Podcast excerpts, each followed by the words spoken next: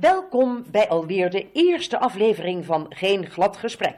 Een programma vol opvliegers, kwalijke humeuren en zoetgevoisde temperamenten. Uw presentator is Anne Salomons. We zitten hier in het atelier van Claire van Stolk, een Amsterdamse kunstenaar op het WG-terrein. Uh, de muren hangen hier vol schilderijen, waarvan de verf nog nou, nat is, heb ik het idee. Uh, te gast hebben we Maarten Spanjer. Maarten, eerst even tussendoor. Wat, uh, wat vind je ervan als je zo om je heen kijkt? Um, ja. Eerlijk zeggen. ik hoop dat de koffie goed is. uh, heb jij het niet zo op kunst? Ja, mensen doen er vaak zo moeilijk over, vind ik. Hoe bedoel je moeilijk? ja.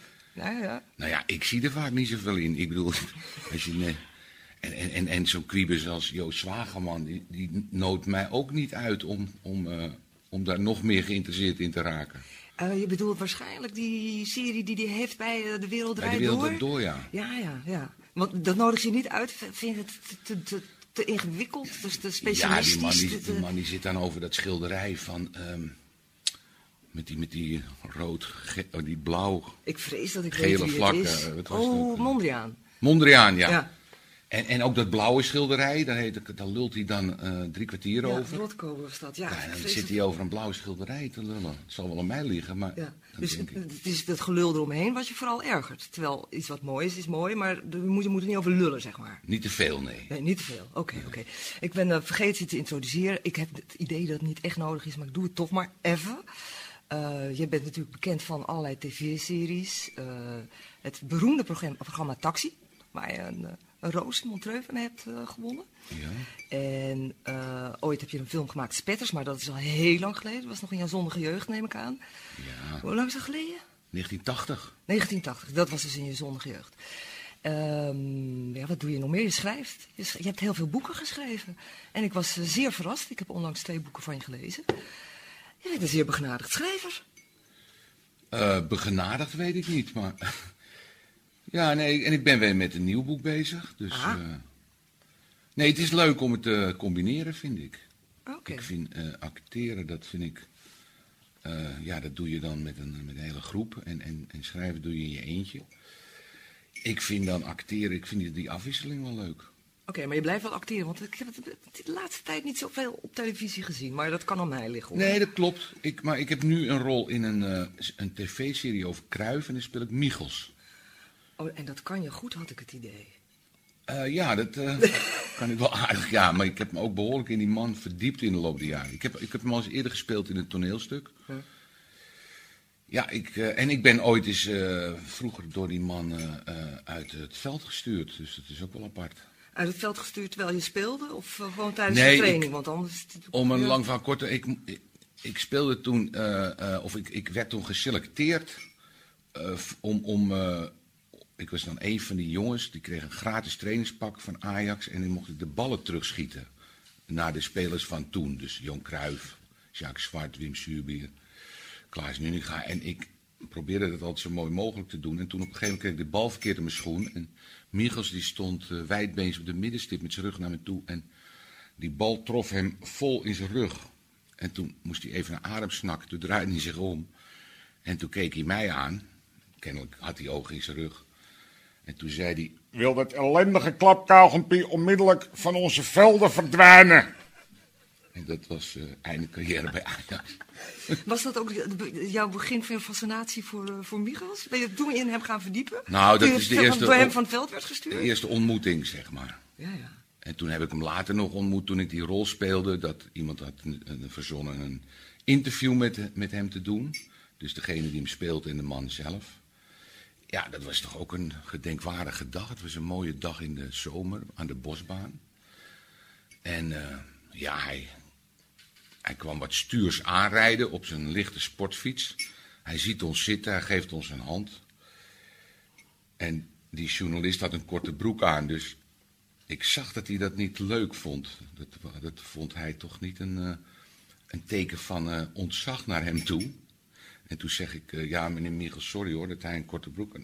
Ja, nee, mocht het zo zijn dat, dat misverstand had postgevat kunnen hebben dat ik dus uh, eventueel van mening was dat het hier ging om een interview over kampeervakanties. Ja, toen was de toon gezet. Maar je hebt hem altijd wel een, een grappig eh, figuur gevonden, hè? Nou, ik vond hem leuk omdat die man niet wist hoe grappig hij was. Kijk, je hebt een hoop mensen die kunnen wel leuk doen en zo. Maar Michels die gooide er af en toe van die hele droge opmerkingen in. En ja, hij lachte ook zelf ook nooit om zijn eigen grappen. Dat vond ik ook apart. Ja, ja. Een hele komische, gekke man. En met iemand waar je, waar je eh, toch op een of andere manier onlosmakelijk mee verbonden wordt, al- althans eh, in de pers, is met Rijk de Gooier. Ja, En eh, dat was ook zo iemand waar je vreselijk mee hebt gelachen. Ik moet je eerlijk zeggen, ik vind je een beetje op hem gaan lijken. Qua uiterlijk. oh. Heb jij, is- heeft dat wel eens iemand eerder tegen je gezegd? Nee, nee, nee. Nee? Nee. Maar lijk je op hem qua humor, eh, gevoel voor humor? Ik had in elk geval gevoel voor zijn humor. Ja. Je had gevoel voor zijn humor? Ja, ik moest er altijd erg om lachen, dingen Ja. die hij zei. Ja, ja. Hij die zei wel dingen die tegen het randje waren, hè? Ja, Ja. hij zocht altijd eh, de grenzen op. Ja, ja. Hij heeft ook regelmatig, hij heeft meer als ik. Ja, hij ook wel, ik ook wel eens een keer, maar hij heeft toch vaak een, een knal voor zijn harses gehad van mensen. Was je er wel eens bij? Ja, ik ben er wel eens een keer bij geweest. En dan had je niet zoiets van, ik ga, ik ga, wordt, wordt een vechtpartij, ik ga ook maar eens even, ik neem het voor hem op. Nee, dat heb ik wel, wel eens gedaan. Dat, eh, ja, toen had hij mij opgestookt om bij de hoofdredacteur van Privé toen, Willem Smit, Mhm. was overigens een, eh, een tentoonstelling van kunst en dat moest ik aan elkaar praten. Oh, dat is ik echt zag- voor jou als ik dat net zo hoor. Nou, het was een, een, een soort, eh, ehm, ja, alternatief. Het was een, een, een soort, kun, het waren vervalste kun- kunstwerken. Met en dan kreeg je, als je het kocht, een certificaat van onechtheid erbij. Oké, ja. dan- Het was een, eh, het was een, eh, een, een, een goede kunstvervalser. Dus de- hij maakte prachtige appels. En ehm ehm Toulouse-Lautrec maakte Ja. hij ook na. Eh, eh, dat is redelijk bekend, die man. En, nou ja, en ik moest die veiling openen en ik zag Rijk staan. En ook een, de hoofdredacteur van Privé. En ja, die man die stond met zijn dikke lijf over een tafel heen geleund. Een jongere meid te versieren. En en, en Rijk zei toen, durf jij hem een brandende peuk in zijn eh, jas te stoppen? Ik zei, ja Rijk, ja, als jij me dat vraagt, kan ik dat niet Dan weigeren. doe ik dat, kan je niet weigeren dan. Nee, en Ja. toen... eh, dus ik doe een brandende... sig- Want eh, de, man die het georganiseerd had, was Tony Hildebrand. Die ook in mijn Ja, boek voorkomt. Ja, En eh, die zat in een rolstoel. Ik zeg, Tonio, kan ik een sigaar voor jou lenen? Ja, zei Tonio. En hij voelde al dat er iets eh, te gebeuren stond. En ik steek die sigaar aan en steek dat in die man zijn jas. Wat ik niet als gewoonte doe bij mensen, dat ik eh kleren in de brand steek. Maar ik vond het in dit geval wel passend. Maar goed, ik loop dus weer naar Rijk terug om zijn goedkeuring te, eh, te krijgen. En eh, Rijk zegt, ja, hij walmt niet genoeg. Dus je moet er nog geen insteken in zijn andere jaszak. Nou, dus dat heb ik ook gedaan. Dus die man die stond op een gegeven moment te roken. Met alle aandacht voor die jongere dame. Dus die had het niet meteen in de gaten. En eh, nou ja, toen, toen was er op een gegeven moment een jongen en die tikte hem op zijn schouder en die wees naar ons. Ja, en toen. Dus die, die hoofdredacteur die was er niet blij mee natuurlijk. Dus dat werd ruzie. En ja, voor het wist Rijk, die had maar één klap in huis. Dat was een draaiende beweging met zijn pols. En dan had de tegenstander hem al te pakken. Dus ja, ja, hij kon alleen maar, hij was heel traag, zeg maar. nou, nee, hij was, nee, hij was razendsnel met die, maar het- hij, hij stoot altijd, altijd een, een stoot op de kin was het. Ja. Dus En dat- toen kreeg hij ze terug. ja, en toen ben ik even voor Rijk gestaan. Ik wou net Rijk zeggen, over de 70. Ja. Want die Willem Smit wilde hem aanvallen. Ik zei, nou meneer Smit, dat moet u niet doen. Dat lijkt me onverstandig. Ja, dit en dat. Maar toen heb, je, heb, jij, heb jij toen ook zelf eh, flink ja, uitgehaald? toen heb ik die Willem Smit een paar schoppen onder zijn reet gegeven. Mhm. Want die ging mij zo aankijken van, eh, ja, ik ben de hoofdredacteur van de privé, dus eh, pas maar op. En toen heb ik hem, geloof ik, de hoofdredacteur van Donald Duck genoemd. En toen heb ik hem per schop onder zijn kont gegeven. En dat werd toen gesust, geloof ik. Ja, ja, ja. Maar jij zei net van, eh, als, als Rijk iets wil, dan doe ik dat. Het Was je een beetje soort, soort, soort, soort... Dat hij iets aangaf en dat jij zei van, nou, dan, dan doe ik Ja, dat. moest ik het Hij zelf ook wel je leuk. bijna. Ja, Jawel, ik liet me dan ook wel graag gebruiken. Dan moest ik het zelf ook wel leuk vinden. voor de lol. Maar ik vond het wel grappig om de hoofdredacteur van privé, om, om die zijn in de fik te steken, terwijl hij een vrouw staat te versieren. Ja. Ook wel leuk. Ja, dit is heel leuk. Eh, althans, wij hebben een, eh, voor dit programma een opvliegerthermometer eh, bedacht. De opvliegerthermometer. Mogen we u er even langs leggen? Waar wilt u hem hebben? Maarten, eh, als je jouw naam googelt, hè, dan stuit je meteen op allerlei opvliegers, woede-uitbarstingen en ergernissen. Ik noem maar even een paar. Waar je meteen op stuit, hè. Maar Maarten haalt uit naar Johan, Johan Derks. Maarten kaffert Albert Verlinde uit. Yvonne Jaspers is een naïef kletskousje. Er komt nog een hele rij, maar dat ga ik niet allemaal opnoemen. Maar als je dan niet verder kijkt dan je neus lang is, zou je zeggen dat jij een beetje een uh, opvliegerig tegendraads mannetje bent. Klopt dat? Nou ja, kijk, jij noemt bijvoorbeeld die naam Albert Verlinde. Ja. Ja, je moet haast wel abnormaal zijn om niet ruzie met zo'n man te krijgen. Kijk de, wat er gebeurde en dat rare programma van hem, dat uh, programma. Ik ga een keer naar mijn auto toe en die was afgezet met rood-witte linten. En er staat een ambulance, het was ochtends om negen uur. En toen bleek dat er een brommetje uh, op tegen de achterkant van mijn auto is opgeknald. Dus, uh, en die jongen die, was, die werd zwaar gewond naar het ziekenhuis vervoerd. Maar ik had er verder niks mee te maken. Dus ik moest wachten dat mijn auto vrijgegeven werd. En dat had iemand kennelijk op straat had hij dat uh, gefotografeerd en doorgegeven. En toen stond dat op, uh, op internet. En nou ja, en dan zo'n redactie zit natuurlijk de hele tijd van zo'n boulevard. Dat zit de hele dag natuurlijk te kijken of er wat sappig nieuws is of zo. En toen werd ik meteen al een paar uur gebeld. Ja, jij bent uh, betrokken bij een ernstig ongeluk. Ze hoopten natuurlijk dat ik zelf ook in de auto ja. zat en zo. Ja. Ik zei, nou maak je geen zorgen. Ik, uh, ik, ik, ik, was er niet eens bij dat het gebeurde, dit en dat. Ja, maar mogen wij dan wel een cameraploeg even sturen dat jij de deuk aanwijst? Zei die, die, dat redactielid. En dat was van uh, Boulevard of ja. zo? Ja, ja. En toen zei, zijn jullie niet helemaal goed bij je hoofd? Ik zeg, er is iemand zwaargewond weggevoerd. Dacht je dat ik zo achterlijk was om dan een deukje in mijn auto te gaan aanwijzen? Ik zei, jullie zijn niet goed bij je hoofd. En toen hing ik kwaad op. Maar toen werd ik twee uur voor de uitzending, of eh, anderhalf uur, werd ik gebeld door datzelfde redactielid. Ja, Maarten, we hadden er alle begrip voor dat je dat niet gedaan hebt. Ik zei, nou, had je er geen begrip voor, maar ik vind het idioot. Maar zou Albert je dan toch even te woord mogen staan in de uitzending telefonisch? Ik zeg, nou, dat is goed. Ik denk, ik heb nog een appeltje met een kwalletje te schillen. Ja, precies. Dus dat is het moment dat je niet denkt, ach, laat ook maar zitten. Dan, dan, komt, nee. dan komt de drift boven? Of ja, en dan, en dan, en dan, dan, nou, er komt geen drift boven nee, helemaal. Maar toen, dat is dan wel grappig, als je dan die Albert, die zie je dan live in beeld. Ik had mijn televisie aan en, en die had dan een soort aangepast gezicht. Ja, maar Spanje die is betrokken bij een ernstig auto-ongeluk. Maar gelukkig hebben we hem live aan de lijn. Nou, en toen ging hij mij bellen. En toen deed ik net of de lijn uh, stoorde. Dus hij zegt, uh, Maarten, ik zeg, hallo, hallo, hallo. Ja, Maarten, je bent live in de uitzending. Hallo. Nou, en dan zie je dus de paniek bij die verlinde. Ja. En toen op een gegeven moment zeg ik, oh ja, ik hoor het. Ja, ik spreek met de first lady van Maastricht. Nou, en toen, toen was, daar was hij zwaarder in de war. Ik denk, nou, dan gooi ik hem er nog drie keer in. Dus ik zeg, dus hij zegt, hé, wat flauw. Ik zeg, flauw. Ik zeg, dat is een eretitel. De, First Lady van Maastricht, dat moet je met ere moet je dat dragen. Nou, hij was helemaal verslag af. En toen, ja, en toen vertelde, toen gingen ze mij een beetje dat uh, van... Oh, ik was weer uh, met de verkeerde been uit bed gestapt. Ik zeg, helemaal niet. Ik zeg alleen, jullie zijn toch zo gek om een cameraploeg te sturen... dat ik een deuk aanwijs. Je bent niet goed bij je harsens. Nou ja, goed, en dan... Uh, dus ja, dat vind ik vrij normaal gedrag van mijn kant. Ja. Jij zegt zelf, ik ben niet opvliegerig, ik, ik ben niet zo gauw boos te krijgen, et cetera. Maar ik wil je gewoon toch wel uitnodigen om wat reacties op dingen te geven. En dan begin ik eigenlijk gewoon met één naam, waar ik misschien straks nog op terugkom. Jeroen Krabbe.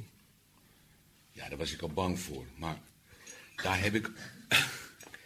Ja, daar heb ik alles al over gezegd wat, wat Ja. ik kwijt wilde. Oh, is dat zo? Ja, en om nou nog meer reclame voor die man te maken. Ja, ja, ja, ja. En de man heeft het al zo zwaar, want ja, ik heb hem gemist bij de kroning in de kerk. Terwijl Bernard hem toch volgens eigen zeggen als, eh, een, als zijn zoon zag. Hè, dat zei hij een keer in een interview. Zo? Waarop ik toen weer had gezegd, ja, volgens mij heeft Bernard hem meer gezien als een zoveelste dochter, als zijn zoon. Maar hij, ik miste hem in de kerk, dus ik wil niet vandaag nog meer. Oké. Omdat hij, hij heeft al moeilijk, want hij is Maar jij zegt, ik miste hem in de kerk. Was jij in de kerk aanwezig dan? Nee, maar ik zat naar de televisie Oh, te je zat kijken. wel naar de televisie te kijken. En als die uitgenodigd was, dan hadden we hem zeker wel gezien. Al was het door een opvallende hoed of een felgekleurd jasje.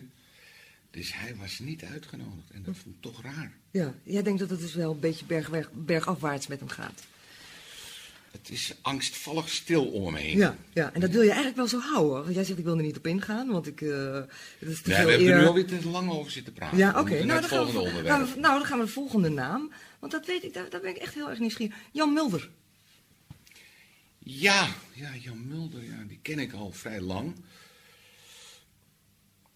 Nou ja, het laatste voorbeeld, dat zei alweer genoeg. Dan, kijk, de man woont in Oost-Groningen. En dan hebben we een Kroningsdag. En eh, nou, dat, dan hoef je helemaal niet een felle monarchist te zijn. Integendeel, maar dan denk, denk ik toch, hè, als Amsterdammer, dat hebben ze goed geregeld. Hè? Ik bedoel, ik, ik kanker niet alleen, ik deel ook complimenten Ja, uit, zoals je het, merkt. het. Dit- en dat ging allemaal, dat ging allemaal echt geweldig. Dat, vind ik, dat is een grote klus geweest, dat hebben ze goed gedaan. Ja, en dan, zijn de, dan is die Johanna, die al, die, weet je, die, die had dan zo'n bord, hield ze omhoog. Dat ze republikein was, of Oh, tegen ja. de republiek. En die werden toen weggevoerd door twee, drie idiote agentjes. Die, niet, die even de weg kwijt, die dachten op hun strepen te moeten staan. Nou, en dan kwam Jan Mulder, die kwam bij de Wereld Draait Door. En die was dan van een schande. Oh, verschrikkelijk in onze rechtsstaat. Ja, en dan denk ik, man, stel je niet zo aan. Dus die men, ja, drie uur in de cel gezeten. Ik denk, die man, die wordt olms. Dat gaat niet goed. Jan het is een complot. Ja, Nou, dan denk je, je bent, je bent niet goed bij je hoofd. Ga terug naar Oost-Groningen en ga over de weide uitkijken, want daar hebben we dat, dat, dat vindt hij zo lekker. De, de natuur. En bemoei je niet met Amsterdam. En hoe zit dat met jou? Heb jij, als jij gevraagd wordt door de wereld draait door om ergens een mening over te geven, of heb jij dan de neiging van, nou, ik, ik ga? Of, of ga, je- ga, je- ga Nou, overwegen? denk ik gewoon eerst, kijk, ik weet dat het, eh, kijk, als ik alleen mijn mening moet geven, dan denk ik eerst, wat schuift het? Ja. Maar meestal zeggen ze dan het is niks. Dat schijnt ook normaal te zijn, dat je allemaal voor niks... Hoewel een sidekick bij de Wereld Door heb ik gehoord, die krijgen wel geld. Maar gasten niet. Dus ja, dan ga ik, als ik bijvoorbeeld eh, een boek uitkomt en, en, en je wordt dan gevraagd... Ja, dan, dan ben je gek als je het niet Ja, doet. ja. Kijk, toen, toen Rijk overleden was, dan Ja. was trouwens de drukste dag van het jaar voor mij. De hele dag eh, hingen ze aan de telefoon. En, en de rest van het jaar heb ik gedacht, god, weten ze mijn nummer niet meer voor een rol of wat dan ook. En toen ging Rijk dood en dan is de telefoon rood gloeiend. Toen, ja, en, dan, en dat, dan komt zo'n circus, dan weet je echt, dan komt er echt een circus op gang. Dat is dus het nationaal en dan, willen, dan, dan, dan komen ze ook aan je deur langs. En, Ja. eh, en dan en, en Pauw en Witteman, die, en de wereld draait door. Dat, hè, dan van, ja, maar dan ga je toch eerst bij ons zitten of uitsluitend bij ons. Dan, dan ineens, dan zou je haast kunnen denken dat je belangrijk bent. Ja, maar dan gaan ze dus eigenlijk soort als een hyena springen ze op je. Nou ja, dat is, dat, dat is gewoon het, het, de televisie, hoe dat tegenwoordig werkt, denk ik. Ja, ja. Want je had samen met Rijk had je ook wel heel veel eh, lol juist om hoe dat wereldje in elkaar zat, Ja, toch? ja, erg om gelachen. Ja. Ja. we hadden alle twee, dat werkt op ons lachspieren, eh, opgeblazen ego's. Ja, Als je, ja. ik moet vreselijk lachen om, om zo'n Albert Verlinde, alleen hoe die in de camera kijkt. En hoe ze omschakelen van bijvoorbeeld iemand die is overleden. Hè, dan, dan, dan zie je drie koppen en die zitten dan met een begrafenisgezicht. En dan moeten ze weer naar eh, Patricia Pai, die een nieuw boek heeft Ja. geschreven... waarin ze vertelt dat ze met David Bowie geneukt heeft. Ja, nou Patricia Pai, dat is wat- net wat ik weer wilde vragen. Je, kan het niet ontkennen, had ik begrepen.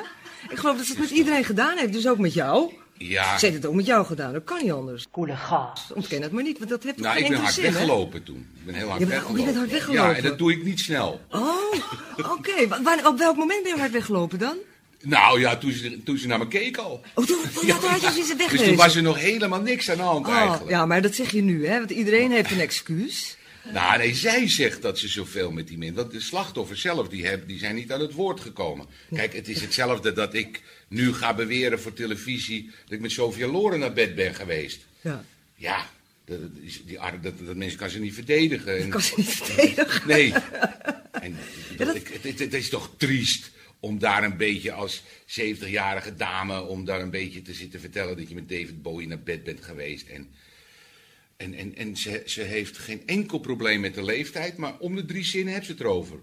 Ja, ja, ja, ja, Dus ja. ja, ja, ja. Dus jij bent hard weggelopen. Ja, ja, nu weten we het wel hoor. Nou, even wat anders zeg.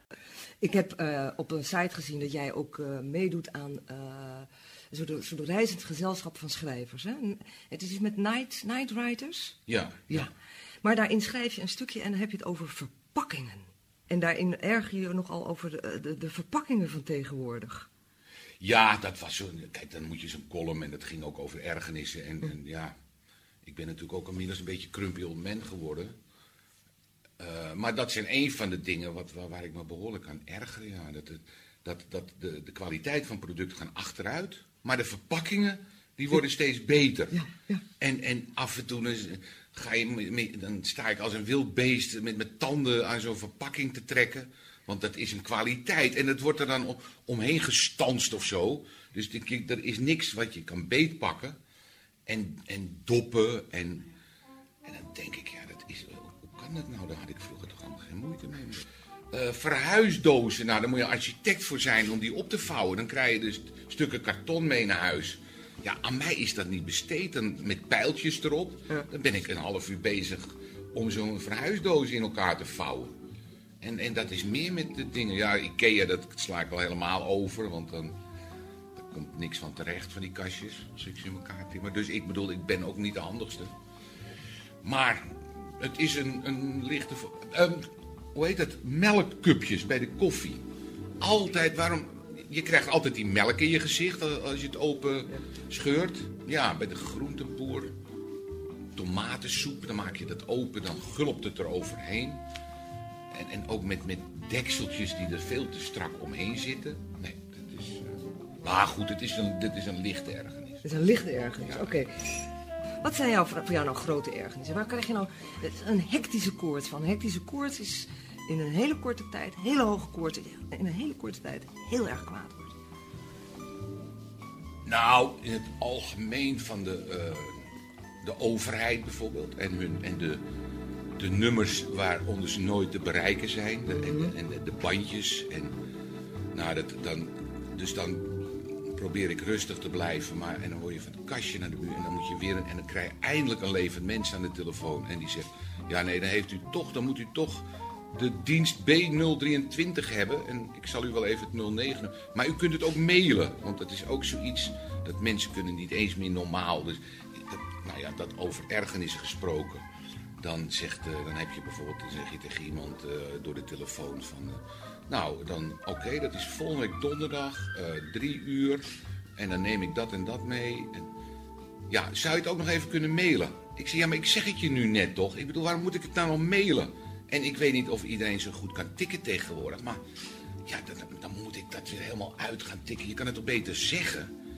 En, en je hebt zelfs bedrijven, die, die, die, die, die, krijg je niet meer aan de telefoon. Helemaal te gek voor woorden. Weet je, de, want, want dat moet je allemaal, gaat allemaal via mail. En om nou iets specifieker te zijn qua irritaties en ergernis. Eh, dat vond ik ook het toppunt. En dan, dan hou ik het niet meer goed. Want dan word ik wel, ik ben, dan, dan komt er bij mij een punt. Dan, ja, dan ga ik schelden. Dan ben ik ontoerekeningsvatbaar. En dan, dan, dan word ik helemaal gek. Wat voor idioten zijn dit? Ik had een keer op een plek op de Overtoom. Dat, dat was een gewone parkeerplaats. Ik probeer het even zo kort mogelijk. Ik sla misschien wat over. Maar in elk geval, gewone parkeerplaats op de Overtoom. Ik parkeer mijn auto. Maar op die parkeerplaats heb je een rond stoepje. Nou, weet ik ook wel dat de parkeerbeheerders, of hoe heten die mensen, parkeerwachters, dat zijn natuurlijk niet de meest intelligente mensen uit de samenleving.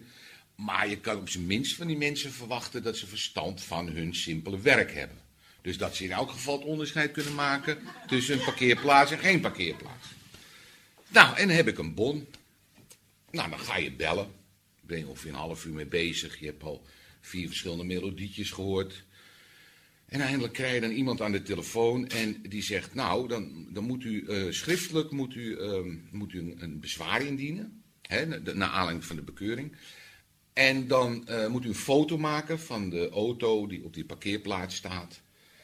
Nou, nou heb ik, ik heb nog een, een soort mobiele telefoon uit 1953, dus daar kan je geen foto's mee maken. Want, en ik heb ook geen fototoestel, dus dan moet ik weer iemand charteren die een foto maakt. Ik een bezwaar maken. Nou, en dan, eh, en dan moet je voorkomen. En dan gaat het om 53 euro. En, maar inmiddels was het verhoogd omdat ik eh, niet betaald had. Want ik denk, ik hoef toch niet te betalen voor iets wat... Ja, ik heb gewoon op een parkeerplaats gestaan, dus wat Ja. moet ik betalen? Uiteindelijk moet je dan wel de verhoging betalen, hè? want dat is de wet, ook al heb je gelijk. Ja, ja, dan moet je... Dus uiteindelijk was ik toch uiteindelijk geld kwijt. Maar, eh, die, dus, die, eh, dus ik moet voorkomen, dan moet je weer naar de Parnassusweg. Nou, dan ben je ongeveer drie, vier uur kwijt voor je 53 euro. Maar dan komt het rechtvaardigheidsgevoel in me naar boven. Ik denk, dit is onrecht. Maar ja, op een gegeven moment denk je, waar ben ik mee bezig? Maar goed, je- je zet eenmaal punt A, je hebt die, die brief ingestuurd. Nou, en dan kom je in zo'n eh, rechtszaal terecht. Daar zit een, een- een oudere rechter en er zit dan een vrouw, die is officier van justitie. En ik merkte al, dan doen ze een dagje bekeuringen. Dus dan word je naar voren geroepen. En vaak kijkt zo'n rechter niet eens meer op uit zijn papieren, die hoort het wat aan. En ja, mensen beginnen ook gelijk te praten. Dus ik denk, laat ik het eens anders doen. Dus op een gegeven moment wordt mijn naam omgeroepen en ik moet dan op de eerste rij gaan zitten. En ik hou mijn mond. En die rechter die zit in zijn papieren te bladeren en die wacht dan tot ik begin te vertellen. Maar ik zei niks. En die rechter kijkt verstoord op. Die zegt, eh, meneer Spanjer, eh, eh, waarom zegt u niks? Ik zeg, ja meneer, de edelachtbare, ik zeg, waarom zeg ik niks? Ik zeg, omdat er niks te zeggen valt. Ja, nou, we hebben u toch niet, u heeft toch niet voor niks een bezwaren? Ik zeg, nee, maar moet u nou horen, als u nou met, een, met uw vrouw buiten loopt en het giet van de regen en uw vrouw die zegt het is droog. Zegt u dan nog wat? Ik ben dan uitgeluld. Dus hoeft de bekeuring, de bekeuring niet te betalen, maar wel de boete. Ja. Een week later zet ik die auto dus weer op die parkeerplaats. Weer een boete. Nou, dan kan je wel weer het traject ingaan. Die heb ik betaald. De derde keer denk ik, ja, maar godverdomme. Ik denk de derde keer. En ik ga weer bellen. Gewoon een parkeerplaats. En jij dacht niet in de tussentijd, deze parkeerplaats is besmet. Laat ik mijn auto ik. maar eens ergens anders. Nou, dat, dat, Of zocht je het ook een... Nee, helemaal niet. Nee. Maar ik, ik kan me gewoon niet voorstellen dat je gewoon parkeerplaats. En wat jij nou zegt, daar werd ik ook zo kwaad op. Ik bel dus weer iemand. Ik zeg, stel het je boerenhufters dat je. Of ik begon nog rustig. Ik zeg, ik heb hier processtukken waarin staat dat dit. Wanneer worden jullie nou eens wijzer? En toen zegt die man dus, een beetje wat jij zegt. Die man die zegt, nou, en die was van de politie. En die man die zegt, nou meneer Spanje, maar ja, als u, als u nou toch al twee keer een bekeuring op die plek hebt, waarom zet u hem dan voor de derde keer erin? Nou, en toen ging bij mij, ik zeg, ik zeg, vuile verrotte lul dat je er bent. Ik zeg, als jij nou voor je deur van je huis, als je helemaal in elkaar getimmerd wordt, ga je dan de volgende keer bij de deur van de buurman naar binnen?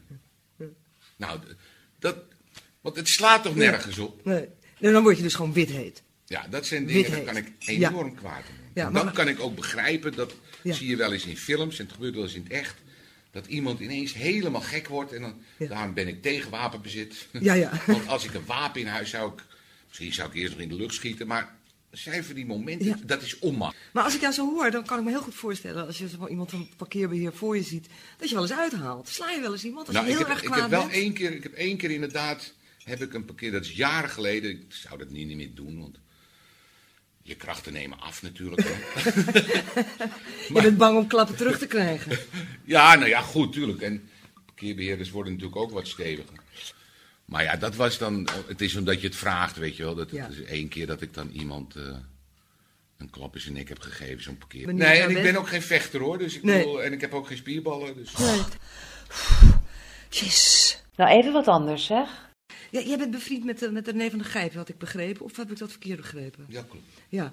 Eh, René van der Gijp, van der Gijp is ook, ook zo'n lolbroek, hè? Zo'n zo, beetje zo'n clown. Ik vind het woord heb ik wel moeite mee. Nou, eh, lolbroek. ja, noem oh, het anders dan. vreselijk. Ik heb een hekel aan lolbroek. Oké, geef het maar een andere naam. Ja, nou ja. oh, ik weet, eh, Schafuit? Baldadig? Ja, baldadig. Baldadig. Maar lolbroek, Ja, oké. Ja, oké. Nou, ik zal het uh, expres gebruiken. Eh, als- als je- hij is een lolbroek. Maar eh, Dat is een echte lolbroek. Heb jij daar een leuk idee over? Ik niet hoor.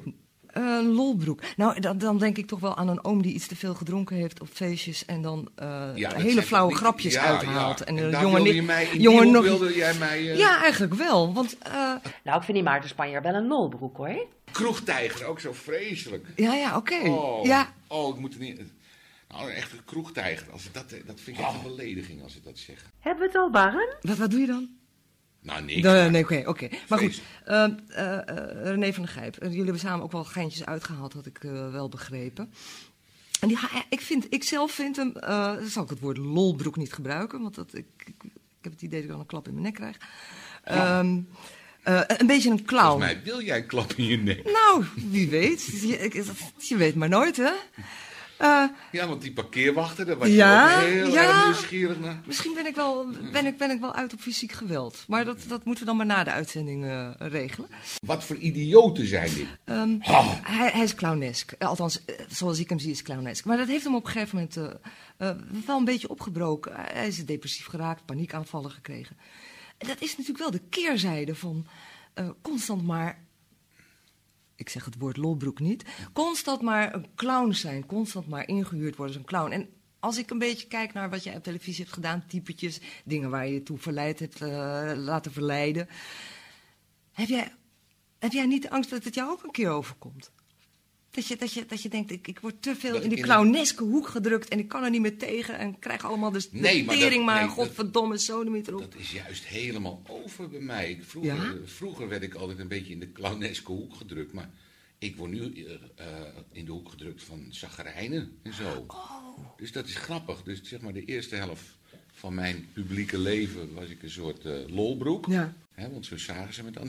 Oké, maar het is wel opvallend dat jij zegt, vroeger werd ik dan als, Ja, ik ben nu een woord lolbroek niet, clown. En nu is, zit daar een grond van waarheid in dat je denkt? Denk je dat je daar zelf voeding aan geeft? Ehm, nee. Behagelijk hoor. Ik eh, wil zo'n beetje gaan afronden. Ik, ik heb nog Hm. eh, één laatste vraag aan jou. Ehm, heb je behoefte aan een nagesprek?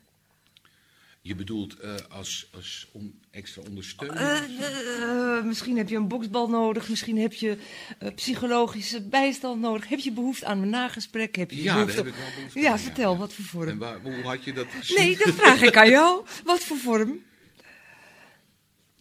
Nou ja, een geestelijke bijstand. Ik wil je, jij komt ermee, dus nou ja, doe het maar dan. En, en, en, en, en waar, waar, waar zit de zere plek?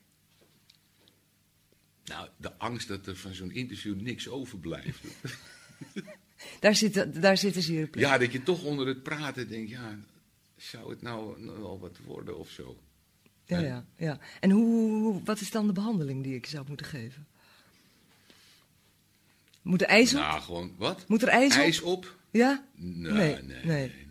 Geen Een goede borrel? Moet, moet er een goede borrel in? Ja, ik, ik, ik merk het al aan je. Dat wordt niet meer dan een, Nou, eh, goed glas nou, wijn. Wat, we- wat we wel Maar- kunnen doen is je een klein cadeautje, of misschien wel een groot cadeau aanbieden. En dat is eh, iemand die speciaal voor jou een lied eh, wil komen Nee. zingen. Ach, Dat is een verrassing, hè? ja, Eh, dat dacht ik al. wat leuk. Ja, dat dacht ik wel. En zij heet Marie. Marie Chaplet, als ik het netjes uit, uitspreek. En eh, Marie Chaplet wil speciaal eh, een, lied gaan zingen. Ik weet niet of ze het bij de microfoon wil gaan doen. Wil gaan Denk doen. ik wel. Nou, lieve Eh, luisteraars. Ja, Het is misschien jammer dat we... u er geen beeld bij hebt, Ik- maar...